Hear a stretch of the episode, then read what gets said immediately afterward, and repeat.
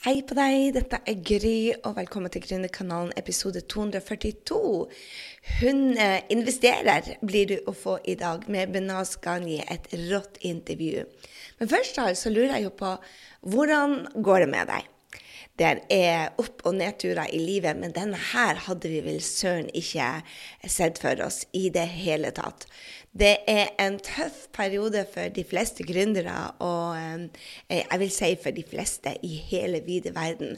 Når det er sagt, så er vi jo steinheldige, kan man si det, steinheldige ekstremt heldige om å få lov til å være norsk og, og bo i Norge, hvis du gjør det. Fordi at de, eh, de Nav-støttene og den regjeringa og de pengene som vi har opparbeidet oss gjennom oljen, tar virkelig vare på oss. Det er jo enormt mange som er påvirka ut av denne eh, utfordringa. Men så ser vi jo også det at vi kommer sammen. Så eh, eh jeg hadde bare lyst til å, å, eh, si hei, jeg tenker på deg. Del gjerne med meg på, um, på, Instagram eller på Facebook Messenger hvordan det går med deg, om du er i karantene alene. Jeg sitter her nede med Henrik, og, og dattera mi Helene er kommet hjem. Og det føles litt som om, om verden er gått uh, litt bananas, for å være helt ærlig. Så det å være i karantene Dette blir jo tredje uka på rad, um, hvor vi her i Frankrike har hatt uh, portforbud. Hvor man da må ha lapp med seg og tillatelse for å gå ut av døra for å handle. Uh, og du får ikke tillatelse for å jogge en mil, for å si det sånn. Så det er, en, det er den største utfordringa. Det at håret uh, blir grått, er vel den største utfordringa. Så vi er ekstremt heldige. Men det er ikke bare hell. For jeg vil si det at uh, siden i 2008 så har jeg virkelig uh, brukt tida mi på å forberede meg på en nedtur. Det høres helt uh, galskap ut, men, men, når du har vært gjennom en, en, sånn tur hvor du mister alle kundene over natta fordi at businessen din er ikke solid nok, så tar du noen forhåndsregler. Så jeg er jo ekstremt heldig som har tatt de forhåndsreglene. Og hvis du vil høre fremdeles, vi har bestemt oss for å la den ligge lenger ute, de fem eh, treningene, som er, det blir vel seks treninger, som er lagt ut hvordan du kan eh, endre eh, strategier, hvordan du kan jobbe med det mentale, hvordan du kan gjøre salg og markedsføringer i nedturer, så gå på grysynding.no slash coaching. Det ligger der fremdeles. Vi blir å ha den ute, sånn at folk kan gå og lytte til dem. Så um, så gå på grysynding.no slash coaching og få de med deg. Så når du lytter til dette intervjuet med fantastiske Benaz, eh, eh, så, så, tenk på det at vi var ekstremt tidlig i, i, i, i um, krisa. Jeg liker ikke å kalle det krisa. Nedtur høres mye mer håndterlig ut. Eller utfordring. Vi vet at vi kan håndtere utfordringer, så vi blir jo håndtere dette òg. Så når vi når vi hadde dette intervjuet, så var det vel første uka vi så aldeles ikke hvor det her ble å bare. Og det gjør vi i dag ikke. Jeg sitter her 2. april og, og, og spiller dette inn til deg, og jeg tenker bare det at denne, denne utfordringa vi står overfor, er jo den største vi har sett siden andre verdenskrig. Og jeg leser bøker om andre verdenskrig nå for å se hvordan de håndterte det, og hvordan de kom seg gjennom det, og hvem var det som kom seirende ut, av det. Og jeg tror det er veldig, veldig, veldig lurt å, å, å, å ha en positiv attitude. For det er alle de du leser om, så er det liksom du, Vi skal bli sterkere ut av dette.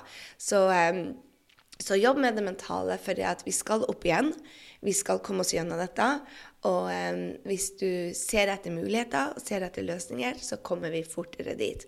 Og er det én ting Benaz har, så er det en attitude som rocker. Um, elsker denne dama. Eh, det er som å ta deg inn til oss på eh, eh, en liten date, føler jeg. Vi møttes for første gang, og det var fantastisk. Så nyt. gå og finn opp Pepanaz Gani på, på Instagram. Du finner også linkene, for det er litt vanskelig navn til, for å stave for ei som har skrive- og lesevansker. Så um, gå på grysynding.no slash 242 og så sender du henne en hilsen. Tagg henne gjerne. Jeg er så imponert over uh, hvordan uh, hun tenker, og hvordan hun hjelper. Og som du hører i dette intervjuet, så får jeg masse aha-opplevelser hvor jeg nå må ta tak. Um, og så må jeg jo innrømme deg at det er to uker siden og jeg ennå ikke har tatt tak, så det kom øverst på lista mi igjen. Og jeg vil gjerne høre på hva er det du må gjøre nå. Vi kommer med noen oppgaver til deg. Hva er det du må gjøre nå? Jeg håper du også gjør de forberedelsene, og de er vel enda mer viktige nå enn de har vært noen gang. Nyt. Jeg har fått meg en ny venninne på Instagram, og det er hun jeg har med på Gründerkanalen i dag. Og velkommen skal du være, Benaz. Tusen takk. Så hyggelig å ha deg med. Altså. Jeg har vært og blitt inspirert av deg på Instagram, og så tenkte jeg bare denne dama må vi høre mer ut av. Kan ikke du fortelle de som ikke kjenner deg, hvem du er og hva du gjør? Ja, eh, jeg heter eh, Benaz. Jeg er 36 år. Eh, jobber som finansrådgiver i DNB. Eh, jobber som treningsinstruktør på Barry's, for de som har prøvd det. Eh, gift med Morten, mor til eh, Elian på fire år, eh, og eh, lille Aya som er en liten valp på snart et år. Eh, livet smiler og seiler egentlig ganske fint akkurat nå, altså. Ja, så bra. Så herlig. Du har en sånn hashtag som heter 'Hun investerer'. Og du er veldig opptatt av at vi skal spare, ikke sant? Ja. Hvorfor? Ja, altså Det som er, er viktig her, eh, er jo at eh, Eller det vi ønsker, for det er, ikke, det er jo i utgangspunktet ikke, det er jo ikke min hashtag, dette er jo DNB sin hashtag. Mm. Eh, noen vil kalle det for en kampanje, jeg kaller det jo nesten for en bevegelse, sånn som det har tatt yeah. over landet. Men det er definitivt noe jeg brenner veldig for. Eh, ikke bare profesjonelt via jobben, men også privat. Eh, det er så utrolig viktig at vi tar eierskapet til eh, vår egen økonomi. og vi er så utrolig flinke til så mye, vi kvinner. men har ikke tatt vår del av den finanskaken, da, vil jeg kalle det. Hvorfor tror du det er sånn enda? Vi er jo så framme på likestilling på så veldig mange andre plasser. Men akkurat det Jeg er så skyldig, for å si det sånn. Jeg har ikke betalt ei regning på ti år. Uh, og, og, og, jeg føler meg veldig Når jeg leste det du skrev, så tenkte jeg bare Oh my God, hun snakker til meg, Gry. Du tar ikke ansvar. Hva er det som skjer? Jeg tar ansvar på Jeg er breadwinner i familien, og likevel så aner jeg søren ikke hva jeg har på kontoen. Nei, Uh, hva, altså, jo... hva, tror du gjør at, at uh, sånne kvinner som meg, som er egentlig ganske fornuftige på så mye annet, men akkurat der helt borte vekk? Nei, altså det, Jeg tror nok at det finnes uh, sikkert like mange grunner til det som det finnes uh, kvinner bak det. Um, imidlertid så tenker jeg det at vi Det kan jo i perioder være ganske hessel med den økonomien. Eh, så ærlig må vi jo være. Det er en del å sette seg inn i. Det er mye som skjer, hverdagen tar over. Og så tenker man kanskje at dette bare er en form for ansvarsfordeling i husholdningen. Sant? Um, faren med det er jo at hvis man ender opp alene, eller det skjer noe drastisk i livet, så så det, kan dette være en ganske stor belastning å skulle sette seg inn i samtidig som det skjer noe veldig stort annet i livet. Da. Mm. Um, så det er vanskelig for meg å spekulere i hvorfor det er sånn. Eh, jeg tenker mer at eh, nå har vi definert at det er sånn. Eh, og har nå en super mulighet til å gjøre norske kvinner oppmerksom på hvilke tiltak de kan gjøre for å endre dette. da. Hva er, hva er de tiltakene vi kan gjøre? Altså De tiltakene vi kan gjøre, er jo for det første å sette oss inn i så du sier selv, hva som koster, altså betale regninger. Hva koster ulike eh, utgifter man har i hjemmet? Mm. Eh, for jeg har En av de første presentasjonene jeg holdt, jeg kalte det for uh, makt, valgfrihet og selvstendighet. Uh, og det er jo det i stor grad dette handler om. Uh, å gi seg sjøl den makten som penger gir. Mm så høres jo det veldig sånn drastisk ut når man snakker på en måte om en husholdningsøkonomi. men, men, det er jo bare en del av det. Mm. Um, og dette tenker jeg jo er jo en del av likestillingsarbeidet som vi så enkelt kan ta ansvar for selv. Eh, det handler ikke om hvordan du blir oppfattet av et annet menneske. Det handler ikke om at noen skal legge til rette for deg. Du er ikke avhengig av et annet menneske for å gjøre dette valget.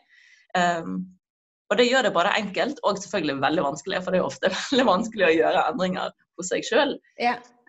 Ja. Så jeg tenker at uh, tiltakene er Jeg skal ikke nødvendigvis kalle de enkle, um, men de ligger bare hos oss sjøl, da. Mm. Mm. Jeg så det at um, jeg tenkte hvis um, OK, ene er skilsmisse. Jeg har flere venninner som har vært i skilsmisse. Kommet fullstendig overraskende på dem. Og så sitter de der med en, en, livskrise, vil jeg kalle det. Hvis man finner noe annet og du blir sittende alene. Og så har de faktisk De aner ikke hvor så mye som er på konto, eller hva de har å rutte med. Og, eller um, hvilken økonomisk situasjon de blir i nå når de må splittes opp. Så, så, så det er som du sier, det kan være en enorm påkjenning og en enorm endring man må gå inn i hvis man er der. Jeg tenker også på død. Ofte så, selv om altså, Jeg håper jo at mannen min blir her noen år til, men en av de tingene som vi forberedte oss på i fjor, det var dette med å skrive testamentet og hvordan vi ønska å dø. Og da fant jeg ut at jeg hadde ikke engang eh, passordene til hans kontoer. Men det er jo våre kontoer, og det er der pengene våre er. Så jeg ble liksom sånn der eh, Her er jeg 50 år, og så har jeg ikke tatt sånne enkle grep. Og, og, når du snakker om det, så tenker jeg bare man må jo sette av sånne tider for å forberede oss. Ja. For hvis ikke, så er man litt ignorant. Ja, jeg er helt enig. Uh, ja, og uvitenhet nok, eller ignorant, er nok et veldig beskrivende ord. Og det handler jo mye om altså Vi forsikrer oss jo for veldig mye annet i livet. Mm. Uh, og dette handler jo ikke om å sette spørsmålstegn ved den andre personens avgjørelser. Dette handler om å gi også en stemme inn i husholdningen. Hva skal vi bruke penger til? Hvordan skal våre penger forvaltes? Um, og ikke minst ta eierskap for din egen fremtid. Mm. Uh, og ikke ha alt felles uh, eller i hans navn. Ja. Um, ta det eierskapet. Det er jo det det i bunn og grunn uh, handler om. da. Eie, mm. eie din egen økonomi. Eie din egen økonomi. Hva, hvordan skal man motivere kvinner til å gjøre det, og, og, hvordan skjer egentlig de samtalene på privaten når man sier bare 'Hallo, i luken, jeg vil ha pengene mine'? det kan jo bli en konflikt eller to. Ja, det kan det definitivt, og det må man jo på mange måter stå i. Mm. Um, altså, eh, jeg er jo litt sånn fan av å på en måte ta de samtalene litt sånn cold turkey. Du må bare inn i det. Det er ikke kjemperomantisk. Uh, det er ikke kjemperomantisk, det er ikke alltid kjempegøy. Uh, noen ganger ender det i ganske opphetede diskusjoner. Uh, men det er jo likevel så utrolig viktig del av fellesskapet som man har med noen. Mm. og om ikke du har det fellesskapet med noen, så er det jo også utrolig viktig å ha den oversikten sjøl. Mm. Uh, fordi at det kan skje plutselig endringer i økonomien din som gjør at du må, du må tenke nytt, og du må tenke kanskje nytt ganske raskt. Uh, og da må du ha oversikt. Da er det ofte veldig slitsomt å skulle sette seg ned og prøve å få oversikt i en uh, endringssituasjon, eller i en, i en, plutselig kanskje negativ situasjon. Da. Ja. Vi ser jo det i markedet i dag er jo plutselig snudd opp ned. Vi har vært på den lengste oppturen i historien. Og min mentor forberedte meg på denne nedturen. Han begynte å forberede meg for tre år siden. Og sa bare Gry, det kommer en nedtur. Jeg vet ikke om du klarer det, men etter eh, en, en høst, og vi har, vi har høsta ganske lenge nå, så kommer det en vinter. Og, og, den tankegangen eh, her Tidligere så har jeg alltid blitt overraska over nedturene. Mens eh, jeg føler det at spesielt amerikanerne er veldig bevisst på dette med at etter en høst så kommer det en vinter, og så kommer det en vår, og at de vet om dette og forbereder seg. Mens i Norge så føler jeg det at um, vi blir så sabla overraska hver gang det kommer en nedtur. Mm. Er det litt i kulturen vår, tenker du, eller er det for at vi rett og slett bare vil føle at vi lever så i nuet at vi vil ikke snakke om noe negativt? um, hvis jeg, skal, hvis jeg skal anta noe, så tror jeg at vi har det, vi har det veldig bra. Uh, vi har det bra i Norge. Det er et velfungerende system. Uh, det er et system som fanger oss opp ved behov. Um, mange vil jo kanskje si at vi, vi trenger jo på en måte ingenting fordi staten dekker alt. Mm. Uh, og jeg tror at det er nok mye av grunnen til at mange blir overrasket nå. Vi har også vært veldig skjermet. Ehm, for selv i finanskrisen i 2008 så står Norge som en ganske robust nasjon gjennom det. Mm. Ehm, også økonomisk.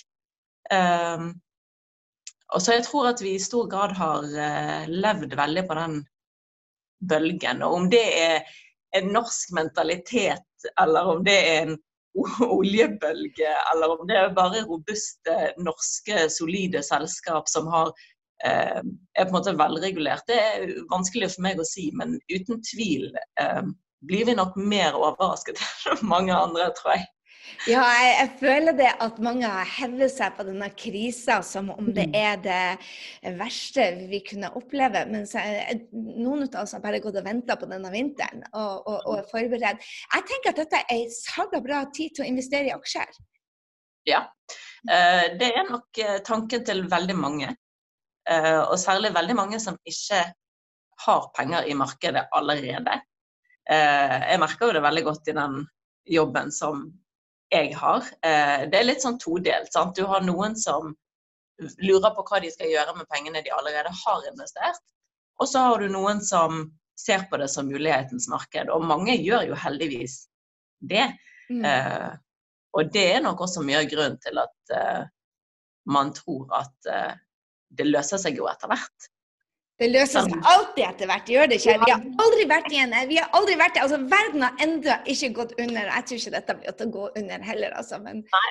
Nei. Men det, som er, det er jo klart at det er, det er jo en vanskelig situasjon for mange, fordi mange har også investert kun i oppgangstider. Ja. Mange, har, mange som, vi, altså som jeg snakker med nå, har jo gjerne vært med på finanskrisen tidligere og tenker sånn OK, jeg har vært gjennom denne stormen før. Det går bra etter hvert. Mm. Uh, mens mange begynte jo kanskje ikke å investere før etter finanskrisen og har vært med på en enorm fest i markedet. Mm. Uh, og nå får de seg en, litt, uh, en kald dusj. Mm. mm. Ja. Og selv om, selv om, man i forkant tenker at jeg har et langsiktig perspektiv, og disse pengene skal stå lenge, og jeg tåler svingninger, så er det noe helt annet når det blir reelt. Ja. Uh, og da må man jobbe ganske mye med hodet, altså. Ja.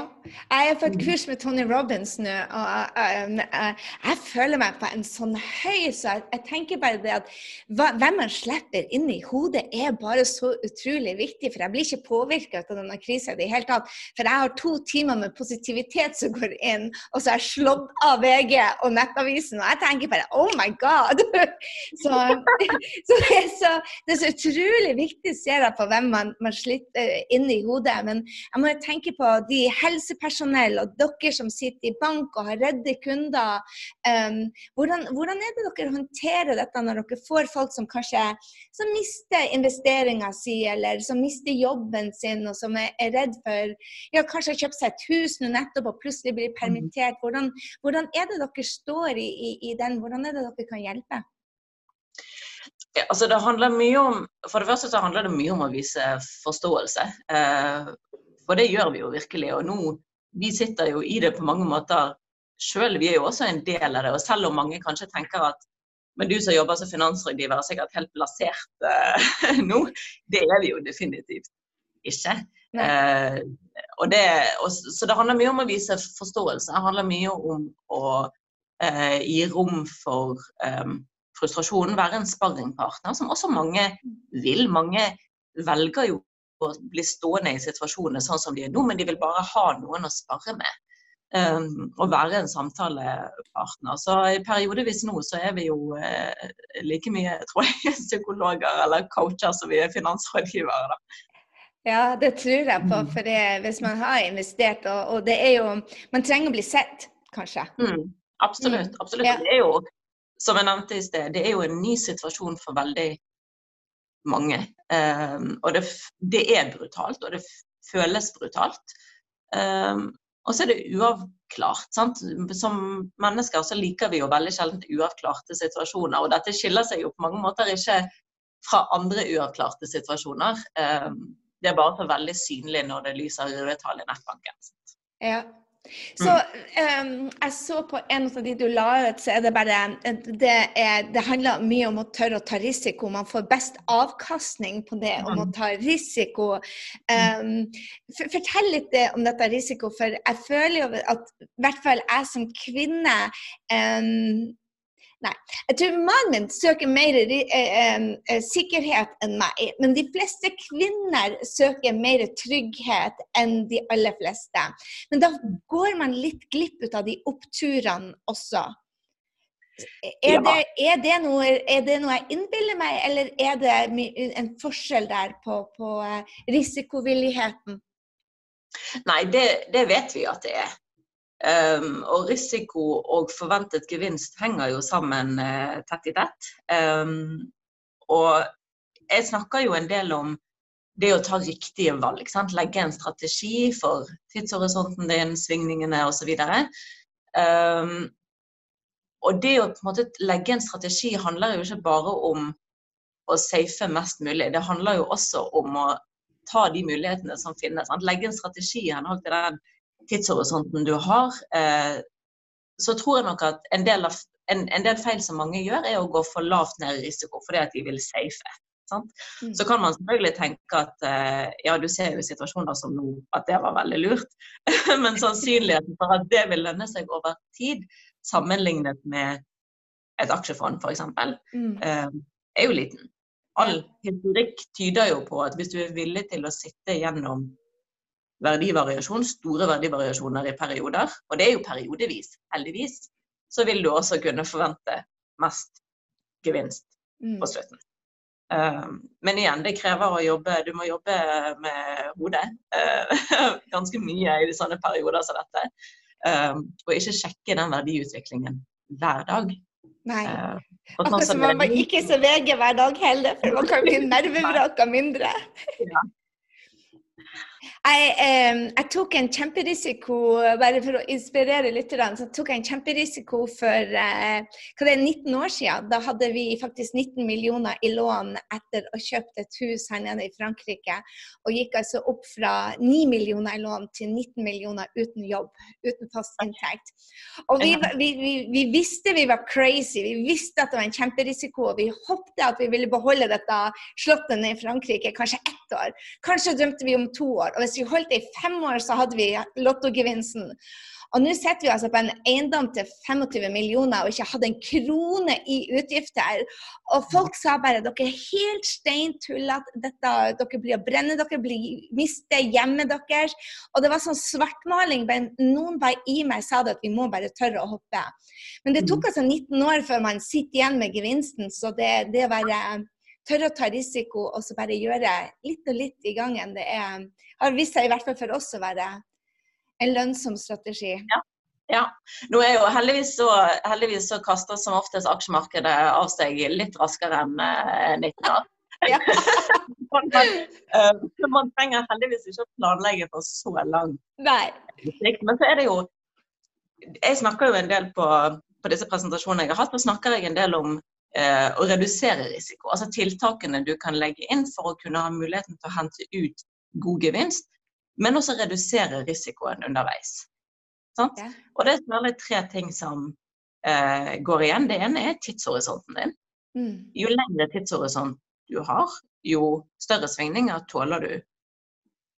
I hvert fall teoretisk så må du selvfølgelig tåle også fysisk å se de svinge, men, men, i teorien så tåler du større svingninger jo lengre tidshorisont du har.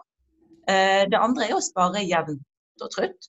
Eh, da reduserer du risikoen med tanke på når du går inn i markedet. Eh, det er jo en fordel du har i aksjemarkedet, i motsetning til f.eks. boligmarkedet. Sant? Du kan ikke gå gradvis inn i boligmarkedet eller gradvis ut. Det har du muligheten til i aksjemarkedet. Og det siste er å velge fond som investerer bredt.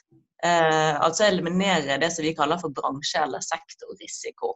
Sant? Mm. Investere i fond som, eh, som eh, investerer i selskaper over hele verden, mm. uh, og på tvers av bransjer. Eh, for heldigvis så er markedet Når alt er velfungerende, så er det heldigvis sånn at når noe går bra, så går Eller når noe går dårlig, så går gjerne noe annet bra, da. Mm. Um, og da har du på mange måter gjort tre tiltak som gjør at du reduserer risikoen mye. Um, og så vil du jo aldri redusere, du vil aldri eliminere risikoen. Da sier du også fra deg muligheten for gevinst. Sånn, så det gjelder å finne litt den smertegrensen. Um, hva ønsker du å oppnå, og hva er du villig til å gjøre for å oppnå det? Så mange syns det er veldig vanskelig å kunne spare, fordi der er alltid noe man trenger å kjøpe. og, og, mentoren min har bare gnegd inn i hodet ditt at uansett så setter du av 10% til sparing, sånn at, har, eh, sånn at du har noe du kan investere når det byr seg muligheter. Eh, hvor mye syns dere at man bør spare, og hvordan, hvordan er, det, er det i fond dere anbefaler at vi sparer i? Ja, um, igjen, uh, tidshorisont er avgjørende. Um, vi har ikke noe standardsvar på hvor mye man skal sette av. Det handler mye om hvor man er i livet. Sant? For noen som kanskje nettopp har kjøpt sin første bolig, så kan 10 være ganske mye, fordi de har kanskje relativt høy gjeldsgrad. Um, man kanskje har fått barn, det koster ganske mye. Um, sånn at jeg, jeg, har ikke noe standardsvar på det. Det som jeg tenker er viktig, er jo at man velger et beløp man vet at man klarer å holde jevnt og trutt. Mm. Eh, sånn at man slipper hver måned å gå inn og vurdere om man skal redusere eller øke en spareavtale. Eh, for målet her med denne jevne sparingen er jo også bare å la den kjøre og gå over lang tid. Mm. Eh, og hvis den krever for mye eh, balansering, for å bruke det ordet hele tiden, så da blir det bare hassle. Sånn. Mm. Målet er å velge noe man klarer å holde jevnt over. Eh, og så gjør man kanskje en vurdering en gang i året. da, Hvordan er økonomien? Sant? Har du gått opp i lønn? Har det skjedd noe med økonomien som gjør at du må gjøre endringer langsiktig osv.? Um, ehm, og når det gjelder hva du sparer i, uh, så er fond mye av det vi snakker om. Det er jo uh, i stor grad det jeg jobber med. Mm. Um, men igjen, tidshorisonten er viktig. Sant? Jeg snakker en del om bufferkonto, det skal du selvfølgelig alltid ha. Ja. Er du ung nok til å spare på BSU, så bør du absolutt gjøre det. Det er jo en gavepakke. Um, og det som du tenker mer langsiktig med, uh, tre år pluss, da kan vi snakke fond. Ja. Mm. Jeg må lure meg sjøl. Jeg, jeg, er jo gründer, så jeg setter av penger til skatt. Og så har jeg bare satt en usedvanlig høy skatteprosent, sånn at jeg sparer eh, mye hvert år på det, fordi jeg får aldri så mye skatt som jeg da har innbetalt. Og så setter vi det av etterpå, for da ser jeg det ikke på mine kontoer. Og da slipper jeg å bli frista bare hvis jeg har lyst på et par sko, så slipper jeg å bli frista. Så Kanskje man må komme opp med sånne lurestrategier. Og når vi var yngre, så ble det, hadde vi konto, så vi bare når lønna, Samme dag som lønna kom inn, så hadde vi bare et automattrekk som gikk over. og Det gjorde at vi kunne investere da, i bolig på et tidspunkt. Så ja. av og til så må man bare lure seg sjøl litt og aldri se de pengene. Nei, og det er nok lurt. og I mange nettbanker så har du også muligheten til å skjulekontoer. Sant? Du får de rett og slett ikke opp på totaloversikten din. I love it! Ja, så det, det, er jo absolutt en super måte å, å, gjøre det på. Det å lure seg sjøl er jo også en måte å skape gode vaner, da, kanskje etter hvert. Sant? Ja. For, for, det man i begynnelsen definerer som å lure seg sjøl, det blir jo etter hvert en vane.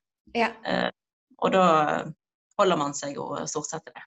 Ja. Det har vært superinspirerende eh, for deg som er kvinne, og ikke har kontoen eh, og oversikt over regningen, inspirerer deg nå til å faktisk få den eh, oversikten. fordi at ja. du vet aldri, aldri vet du hva som kommer, om det er korona eller skilsmisse eller dødsfall. Det, er, det handler om å få oversikten og ta ja. Hva var det du sa, Ben? Altså, ta, ta makta. Ja, ta makten. Jeg, jeg, likte det. Det må være sånn ta makta. Selv om det kanskje bidrar til en um, ubehagelig samtale eller to. Ja, og så tenker jeg at man kan, man kan jo ha den samtalen eh, Sett en frist og si nå snakker vi om det i en time. og Hvis ikke vi er blitt enige, så tar vi en ny time neste uke. Man trenger ikke å sitte til man blir eh, grønn i fjeset og, og uenig.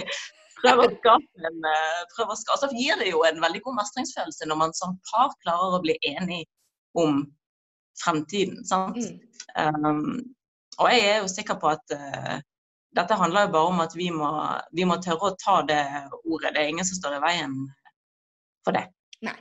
Og hvis du har en ekteskapsrådgiver, så er det faktisk lov til å bruke henne. For Henrik og meg syntes de var så ubehagelige, de samtalene.